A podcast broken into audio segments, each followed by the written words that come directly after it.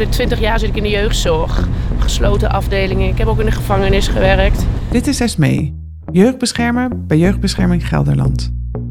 En dit is wat zij zegt over samenwerken met ouders als jeugdbeschermer. Ehm, nou, dat je begrijpt waar ze vandaan komen. Dat het lastig voor ze is. En dat je daar soms een beetje erkenning aan gaat geven. Maar hoe gaan we het nu anders doen voor je kinderen? Ga je, hoe ga je dat patroon doorbreken? Hoe wil jij het anders gaan doen? Mijn zoektocht naar de waarde van het motto It takes a village to raise a child, loop ik voor deze podcast mee met vier jeugdbeschermers. Om te onderzoeken wat de waarde van die village is voor kinderen die in onveiligheid opgroeien. En in deze aflevering staat de kunst van contact leggen centraal. Het contact tussen jeugdbeschermer en ouder en voogd en jongeren.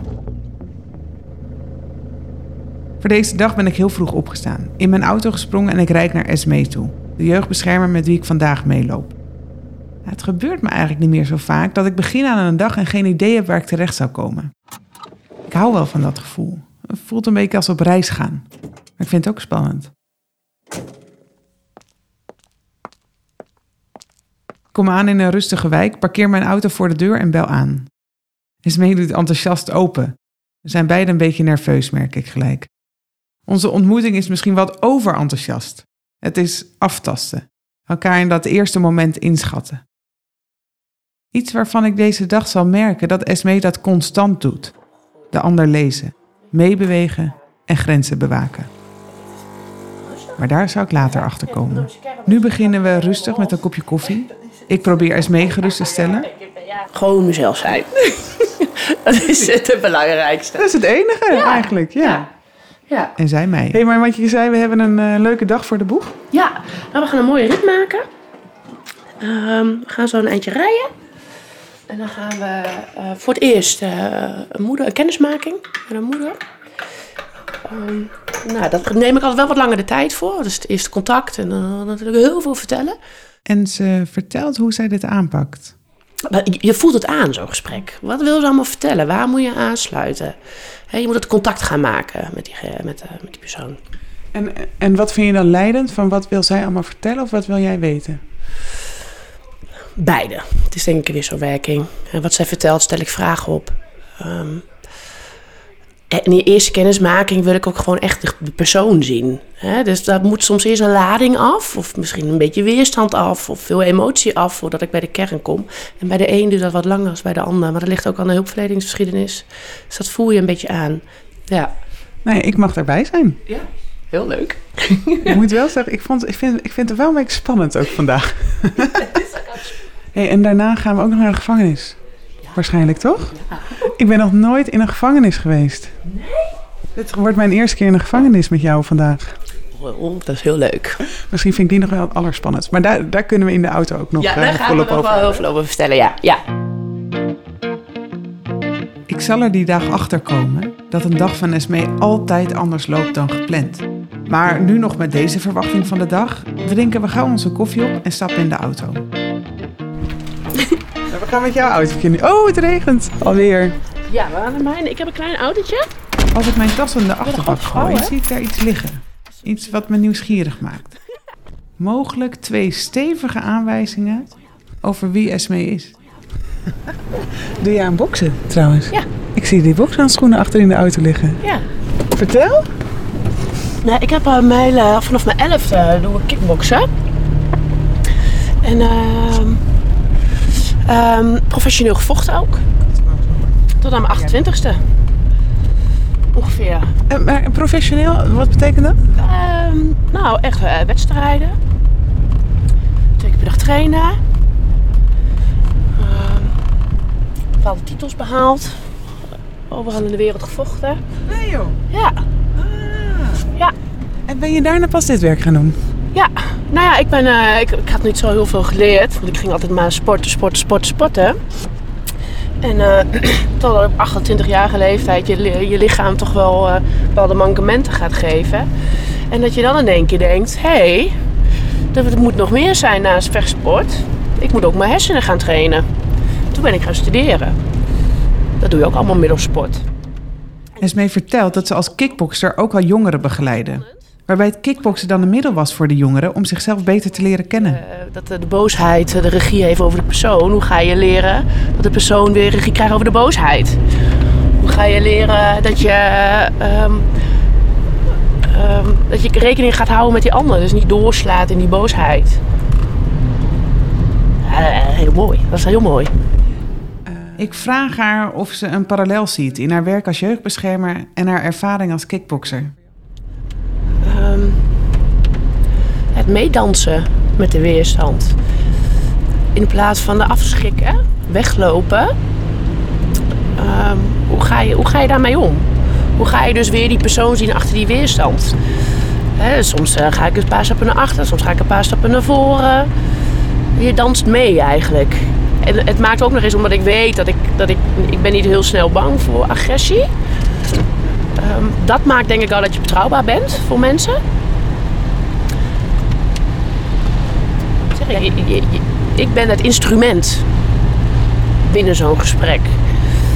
En ja, en ik ben wat weerstand gewend en ik weet ook wat ik zelf kan. Dus ik ben ook niet heel snel bang. Het is, ik, ik zou ook nooit in gevecht willen komen met iemand. Nooit. Maar ik denk dat de ander wel voelt van... hé, hey, hier, kan, hier kan ik meer mee. Omdat je het begrijpt. Of dat je ziet waar het vandaan komt. De hulpverleningsgeschiedenis. Dat je, hey, ik heb dit 20 jaar zit ik in de jeugdzorg. Gesloten afdelingen. Ik heb ook in de gevangenis gewerkt. Um, nou, dat je begrijpt waar ze vandaan komen. Dat het lastig voor ze is. En dat je daar soms een beetje erkenning aan gaat geven. Maar hoe gaan we het nu anders doen voor je kinderen? Ga je, hoe ga je dat patroon doorbreken? Hoe wil jij het anders gaan doen? En terwijl Esme hier zo over vertelt, groeit mijn nieuwsgierigheid. Hoe die gesprekken met ouders dan klinken. En dat zal ik zo horen als we over een uurtje bij de moeder aankomen, waar zij ook voor het eerste keer naartoe gaat. En dan wordt ze gebeld. Is de gevangenis. Als ze ophangt, blijkt dat onze dag helemaal anders gaat lopen. Ze krijgt bericht dat we waarschijnlijk niet op bezoek kunnen. De vader waar het om gaat zou op dit moment te onstabiel zijn. Esme krijgt niet tot in detail te horen wat er aan de hand is, maar de conclusie is duidelijk. Geen bezoek mogelijk. Nou, oh, dat zou wel heel jammer zijn. Dat zei ik al, hij vindt het natuurlijk redelijk spannend dat ik kom. En ik voelde al van de week dat de spanning opliep, dus de weerstand kwam steeds meer omhoog. Uh, gaat hij steeds meer eisen en dan zeg ik, dat gaan we niet doen. Dat alleen maar maakt hij nog meer in de weerstand komt. En ik denk niet dat hun moeten opvangen daarna. Dat ze bang zijn dat er dan situaties gebeuren die... Uh, voor hun niet leuk is, maar vooral voor deze meneer niet. Als het onveilig wordt. Het is even schakelen. Ik stel me zo voor dat SB in haar hoofd nu een heel lijstje afgaat wat zij voor deze vader en zijn gezin gaat doen. En in mijn hoofd probeer ik me voor te stellen wat er gebeurd was als we wel naar de gevangenis waren gegaan. Hoe had ik gereageerd op misschien wel heftige agressie? Had ik daaraan voorbij kunnen kijken? Had ik de persoon achter het gedrag kunnen zien? Want eerlijk is eerlijk, ik ken dat helemaal niet, echte agressie. En ik heb er al helemaal niet dagelijks mee te maken. En het intrigeert me dat Esme het vooral heel jammer vindt dat de afspraak niet doorgaat. Ik ben ergens namelijk ook wel opgelucht, al zeg ik dat niet direct. En het maakt me ook nog iets nerveuzer voor het volgende gesprek. Niet dat er aanleiding is om te denken dat we agressie tegenkomen, maar toch tasten we in het duister. We weten niet waar we terechtkomen. Een jeugdbeschermer is gewoon niet altijd overal welkom.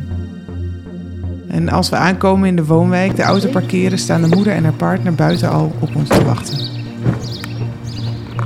Ik denk, ja, maar dit, ja, dat is dit. Ja. Lekker binnen. Ja.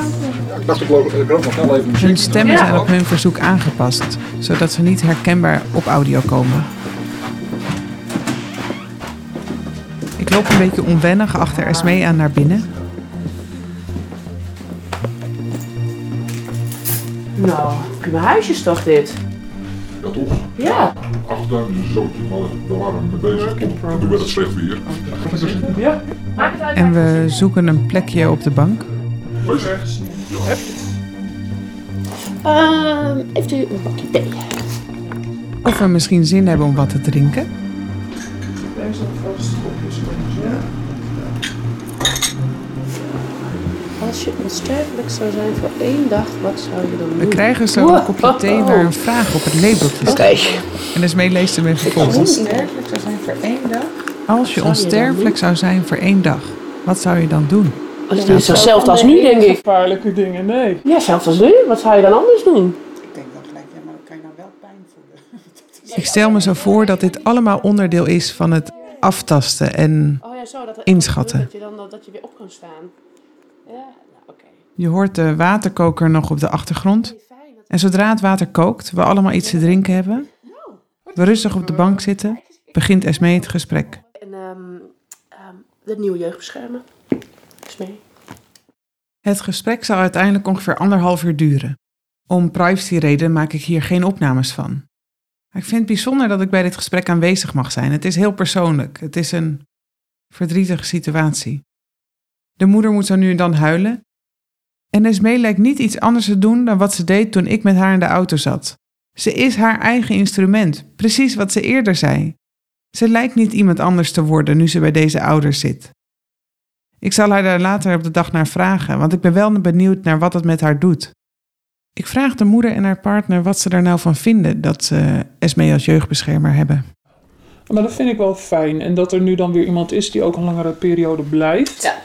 Tenminste, daar ga ik Daar vanuit. ga ik ook vanuit. Je weet nooit wat er gebeurt. Eh, het zal wel Maar- prettig zijn. Ja, dat, is- dat vind ik wel fijn. vast aanspreekpunt. Ja. Ja, ik ben ook niet van plan om te vertrekken of zo. Dus ik denk dat jullie gewoon eh, sowieso het hele jaar met mij te hebben. Ja, maar dat vind ik wel fijn. Want eh, ik vond vanaf het begin, eigenlijk vond ik het contact wel heel spontaan en ontspannen. Ook over de app en over de telefoon. En dat vind ik gewoon prettig.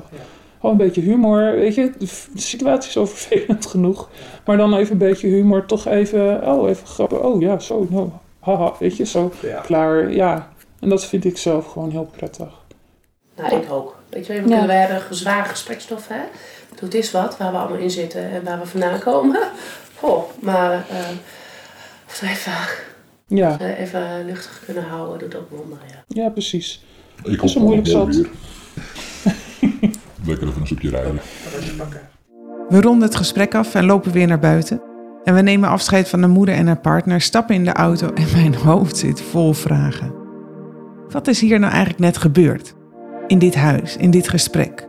Hoe komt het dat mijn hoofd tolt van alle indrukken, terwijl het aan de oppervlakte een heel gemoedelijk gesprek leek? Zodra we weer op weg zijn, vertelt Esmee hoe zij nou eigenlijk zo'n gesprek ervaart. Ja, en maar ook het. eh, eh, je kan niet even afgeleid zijn, want het gaat continu ergens over. Je moet er continu bij zijn. Je moet diegene zien. Diegene wil gezien worden. Ehm, je wordt- ja, soms denk je ik heb ze en op een ander moment denk ik ik ben ze kwijt. Als in de, dat je ze snapt? Of... Ja, ook maar ja, ja en, en eh, in het contact. Eh, weet je, als je dan even wat terug, terugkrijgt of zo. Of eh, weet je, oh, eh, waar zit je nu? Waar kan ik je weer oppakken? Hoe kom ik nou weer even daar waar het over gaat? Hoe ga ik weer terug het gesprek in? Want dit gaat continu, fladdert het overal heen. Soms stel ik een vraag, krijg niet eens antwoord of we zijn we bij een ander onderwerp. Dus je moet heel scherp zijn op wat er allemaal wordt gezegd. Dat maakt dat je heel hard moet werken. En gaat het continu over waar het om moet gaan? Nee. Nee. Want daar zit nog zoveel lading omheen. Ik denk wel dat ik genoeg heb gehoord. Ik denk dat ik wel genoeg weet. Ik weet ook wel waar het zit. En, en dat is voor jou een moment om dan te zeggen eh, van oké, dit is ook wel einde van het gesprek. Want we hebben daar denk ik twee uur bijna ik heb gezeten. anderhalf uur heb ik gezegd, ik ga daar een einde aan maken. En toen gingen we natuurlijk nog even, nou, even evalueren. Ja. Even kort. Dus volgens mij hebben we uiteindelijk het doel... Het, weet je, eigenlijk het doel van het gesprek is gelukt. Want? We hebben, we hebben het over de doelen gehad in het plan van aanpak. Ehm, wat we ervoor gaan inzetten en wat, hun, wat ik verwacht van hun. Dus dat ze er echt wel voor gaan. Hè? Maar ook daarin wil ik aangeven als het even niet lukt, dat we open en eerlijk blijven. Afspraken. Ja. Maar wel, ik heb heel veel gezien. En dat is wat ik nu een plek moet geven. Dat is waar ik nu over na. En waar we op de heenweg nog aan één stuk door met elkaar praten, zijn we nu een stuk stiller. En had ik haar en haar werk ook echt van een heel andere kant gezien. Maar nu rijden we terug naar huis. We hebben nog geen tijd gehad om te lunchen. Dus we parkeren even bij een tankstation, halen een koffie, zetten de auto stil en eten een broodje. Oh. Hè? Nou, Wat was vermoeiender? Je leven als topsporter of je leven als eh, gezinsvoogd? nee, nee, nee, nee. Nee, het is wel een serieuze ja, vraag. het is ja. ehm.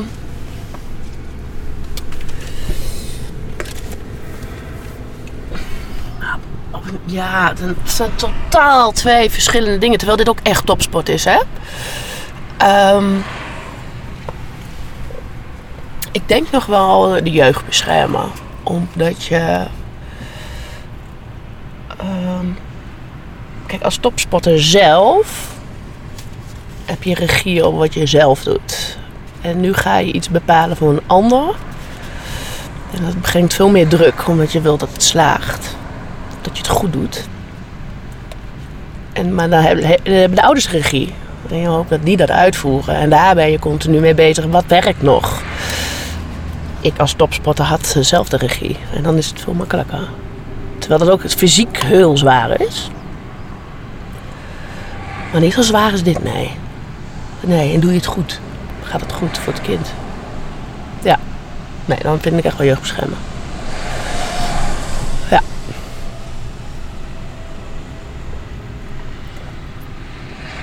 Ja. Heerlijk pakje koffie trouwens. Echt, hè? Had hier echt zo aan Oh. Als jeugdbeschermer is Esmee ook voogd van een aantal kinderen. En in de auto terug naar huis vertelt ze dat dit weer een hele andere tak van sport is. Ze vertelt over Shadé, een van de kinderen waar zij voogd van is. Dat zijn ook mijn kinderen dan. Ja? Nou, dat mag je niet zeggen. Nou ja, wel dat je er omgeeft, dat mag je zeggen, toch? Ja. Nee, ja. Ik geef ook wel echt om haar. Ik ga er ook, eh, als ik daarheen ga, dan kunnen wij gewoon samen op de bank zitten en dan gaan we een serie kijken. Prachtig. We hebben meest eh, alle twee de ouders verloren. En ik ben degene, oh, het is gewoon groen. Zie ik ben gelijk helemaal verslagstuk over de heb. Ik ben haar voogd. Weet je, wat betekent dat, voogd? Je, je maakt eh, gewoon beslissingen over iemands leven. Ik ken haar net anderhalf jaar. Ze zegt ook wel eens van, oh je bent best wel een belangrijk persoon in mijn leven. Dat realiseren wij niet eens. Ehm, ik, ik zou je zo graag vaker willen zien. Ik zeg, ja, dat snap ik. Ik zeg, maar dit is niet haalbaar voor mij. Ook al hoe graag ik het ook zou willen. Ja, dat maakt het soms ook wel eens heel erg ingewikkeld, ons werk. Wij realiseren ons vaak helemaal niet wat, eh, wat dat inhoudt voor mensen. Voogd. Ben voogd. Ik, heb een zoontje, daar ben ik ook, nou ja, van voogd. Gezaghebbende. Ja, dat, is toch best heftig. En in één keer heb je dat over iemand die, eh, die je één keer in dezelfde tijd ziet. Nou, stel je eens voor.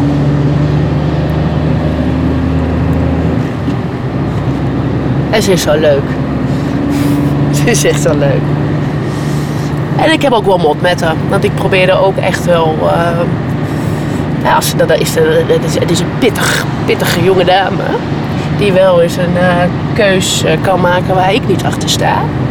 En dat vindt zij dan wel. En dan gaan we echt over in discussie. Maar ik probeer haar dan echt ook van, eh, te leren. Wij gaan dit wel aan. Je gaat hier niet voor weglopen. Als, voor- als, als, als voogd wil ik jou ook dingen leren. En niet alleen een handtekening zetten als jij vrij moet van school of eh, op vakantie wil. Nee, we gaan, ik wil jou ook bepaalde vaardigheden leren. En dan kunnen we ook vechten. Maar daarna zien we elkaar altijd weer en dan is het weer goed. En uiteindelijk zegt ze ook dankjewel. Heb ik ook nodig. Want anders ga ik alleen maar wegrennen. Ik zeg juist. Ik zeg straks ben jij 18 en dan ben ik er niet meer. Dan moet je het zelf doen. Hoe ga je het dan doen? En, en je zei net al, ze is, duurt niet meer heel lang voordat ze 18 is?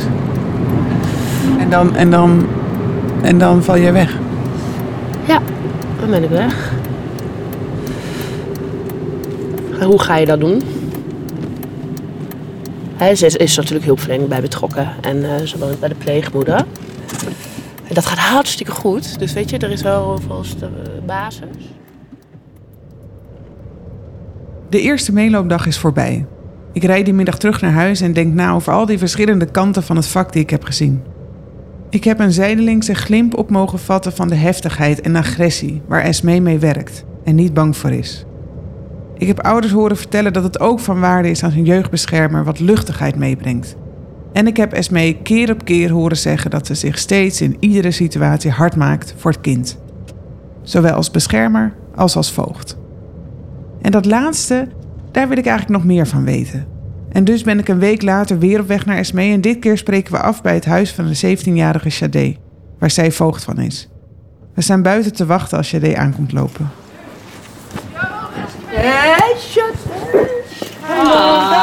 Hoi. Merel, hoi. Ah, ik vind je echt vies, hè, met je bonte kraag. Nou. Moet aan Tante Louise denken, aan haar... eh, Esmee krijgt even wat opmerkingen over haar outfit. Wat is er nou met mijn bontkraag? Nee, maar ik ging er net dat ging niet zo lekker. Ik had me dus ook een heugde rond knuffel. Ja, bont. Hoe is het? Als we binnen zijn en na een korte kennismaking en een kopje thee, vraag ik Shadé hoe het voor haar is om een voogd te hebben. Nee, mensen hebben er meestal een negatief beeld over. Oh, jeugdbescherming, nou dat moet je niet hebben. Ja. merk je dat in je omgeving ook? Ja, dus ik heb wel vrienden die dan van, oh, de jeugdbescherming is zo KUT, terwijl ik er nooit problemen mee heb. Nee, ik heb nog nooit problemen met, eh, nee. Ja. Nee, voor mij is het op zich wel positief, want ik ben zelf ook niet echt een probleemkind. Dus het is niet, ehm, oh, ik heb een voogd en van haar mag ik helemaal niks. Nee, het is wel gewoon, ja, we bespreken het gewoon altijd. Zoek hem wel op. Als ik Shadé en Esmee vraag wat ze nog weten van hun eerste ontmoeting, blijkt dat Esmee getipt was om, als ze een goede indruk wilde maken, Shadé mee moest nemen naar het fastfoodrestaurant. En Shadé die weet nog precies wat ze toen aten. Had je van die kippopcorn en gewoon kip en patat. Ja. Ja, we namen maar gewoon zo. En hoe raar het ook was. Om daar met iemand af te spreken die ze helemaal niet kende. een of andere SME gaat jouw voogd worden. Maar ik mag nooit zo snel mensen. En ja, ik moet wel een klik met je hebben, anders wordt het niks. Dus ik dacht, nou, ik ben wel benieuwd. Toen ging ik haar profielfoto kijken. dacht ik, oké, ze heeft een gouden tand. What the fuck? En toen dacht ik echt, oké, kort blond haar. Oké, wat is dit? En ehm, Nou, wat, wat, wat, wat, wat dacht je? Want je dacht, wat is dit? Maar je dacht Ja, dat werkt bij de jeugdbescherming. Mag je daar een gouden tand hebben? Mag dat? Ik dacht, ja, ik had dat nog nooit gezien bij een hulpverlener. Ja, tuurlijk zie je wel ergens soms tattoos, maar geen gouden tand. Nee, Wat, wat, wat, wat denk jij bij een gouden tand? badass. Ja. ja, en dat blijkt ze ook wel te zijn, omdat ze heeft gekickboxd en zo. Ehm, maar niet een normaal iemand zou dat... ehm, Zal het zomaar doen, hè? nee, Nee, dat is zo. Maar ik dacht gewoon, ja, dat heb ik nog nooit gezien bij een hulpverleenster. En ik heb er al aardig wat gezien in mijn leven. Maar nog nooit eh, zo iemand als jou. ja, Dat is eigenlijk wel heel bijzonder, hè? Want dan ben je voogd van onbekend. ja, Dat is wat, toch? ja. Dan denk je, er komt er iemand in je leven die eventjes eh, dingetjes gaat bepalen of Ja. eh, ergens wat van gaat vinden. Ja, daarom moest ik je wel mogen, want anders was het Ja. echt niet gezellig geweest. Het was heel ongemakkelijk, want toen gingen we eten bestellen en zij ging betalen. Ja, dat is raar. Is iemand die je niet kent, die gaat eten voor je betalen. Heftig, we zijn elkaar ook in een heftige tijd tegengekomen Ja. dan. Maar wel dat ik, ik had je wel nodig, want ik was wel blij dat ik je mocht. In die tijd zijn we elkaar ook al gelijk bam leren kennen. Zo. Want we moesten alles uitzoeken en alles. Ja. Ja. Ja, dat was wel bijzonder, ja. Daarom terugdenken. Maar daarom denk ik ook wel dat je gewoon dicht bij me staat. Ja, dat is echt ja, raar of zo. In één keer zo'n kort. Hoe vindt ze het dat iemand anders die geen familie is, beslissingen neemt over haar leven? Het is niet van, oh ja, mijn voogd zegt dit en ik heb er niks op in te brengen. We doen het samen, hè? Ja. Ik bedoel, je bent nu ook 17. En als jij denkt, jij straks met je 18 ben ik eruit. Als ik alles ga bepalen, dan Ja. ga je het niet leren. Nee. Dus we gaan het wel... Maar sowieso bepaal ik altijd al veel over mezelf. Ja, dat wil jij wel heel graag, ja. Ja, maar dat moest toen ook. Ja, Ja, ja, mijn moeder, ja, vandaar daar heb ik het uit geleerd. Ja. Dat ik voor mezelf moest bepalen. En ik vraag Shadé wat er gebeurd zou zijn als ze geen klik had met Esmee. Dan ga ik niks tegen je zeggen. Dus jou mag ik wel. Ja, anders had ik dit nu niet gezegd. Ja, Dan was het een moeilijke opname geweest, ja. Ja, als, ik, ja, als ik mensen niet mag, ben ik gewoon gesloten. En dan maakt het me niet uit wat je van me denkt, maar dan kom je niks te weten. En je zegt eigenlijk dat is in het... Ik bedank Sade voor dit compliment en haar openhartigheid. Gewoon de uitstraling. En in dit bezoek zie ik nog helderder hoe een klik tussen voogd en jongeren eruit ziet. Hoe het klinkt. Wat het doet. In deze aflevering ging ik op zoek naar de waarde van It takes a village to raise a child voor kinderen in gezinnen waar het niet veilig is. Ik was benieuwd naar hoe het contact tussen ouders, gezinnen en de jeugdbeschermer klinkt. En ik heb gehoord dat contact maken gaat over aftasten, over inschatten, duidelijk zijn, verwachtingen uitspreken en nieuwsgierig blijven naar de persoon achter het gedrag. Ook als dat agressie is. Maar ook dat de uitgangspositie zo enorm kan verschillen. Variërend van dat jouw aanwezigheid als jeugdbeschermer heel veel weerstand oproept, zoals in de gevangenis, maar ook een liefdevolle band als belangrijk persoon in het leven van een kind, zoals bij Sade. En hoe je dat dan allemaal samenbrengt in één persoon, tja, zo leerde ik van Esmee. Dat is pure topsport. En voor die village is het denk ik nodig dat iedereen bereid is om contact te maken, ook als het niet vanzelf gaat. Voor deze aflevering wil ik graag de ouders bedanken die wilden meewerken. Sade en Bram Knies voor de montage. En natuurlijk Badass Esme. Dankjewel voor je openheid. En er komt nog een derde en een vierde aflevering. Wil je daar nou op de hoogte van worden gesteld wanneer die online komen? Abonneer je even op deze podcast en je krijgt vanzelf een nieuw berichtje. Fijne dag nog.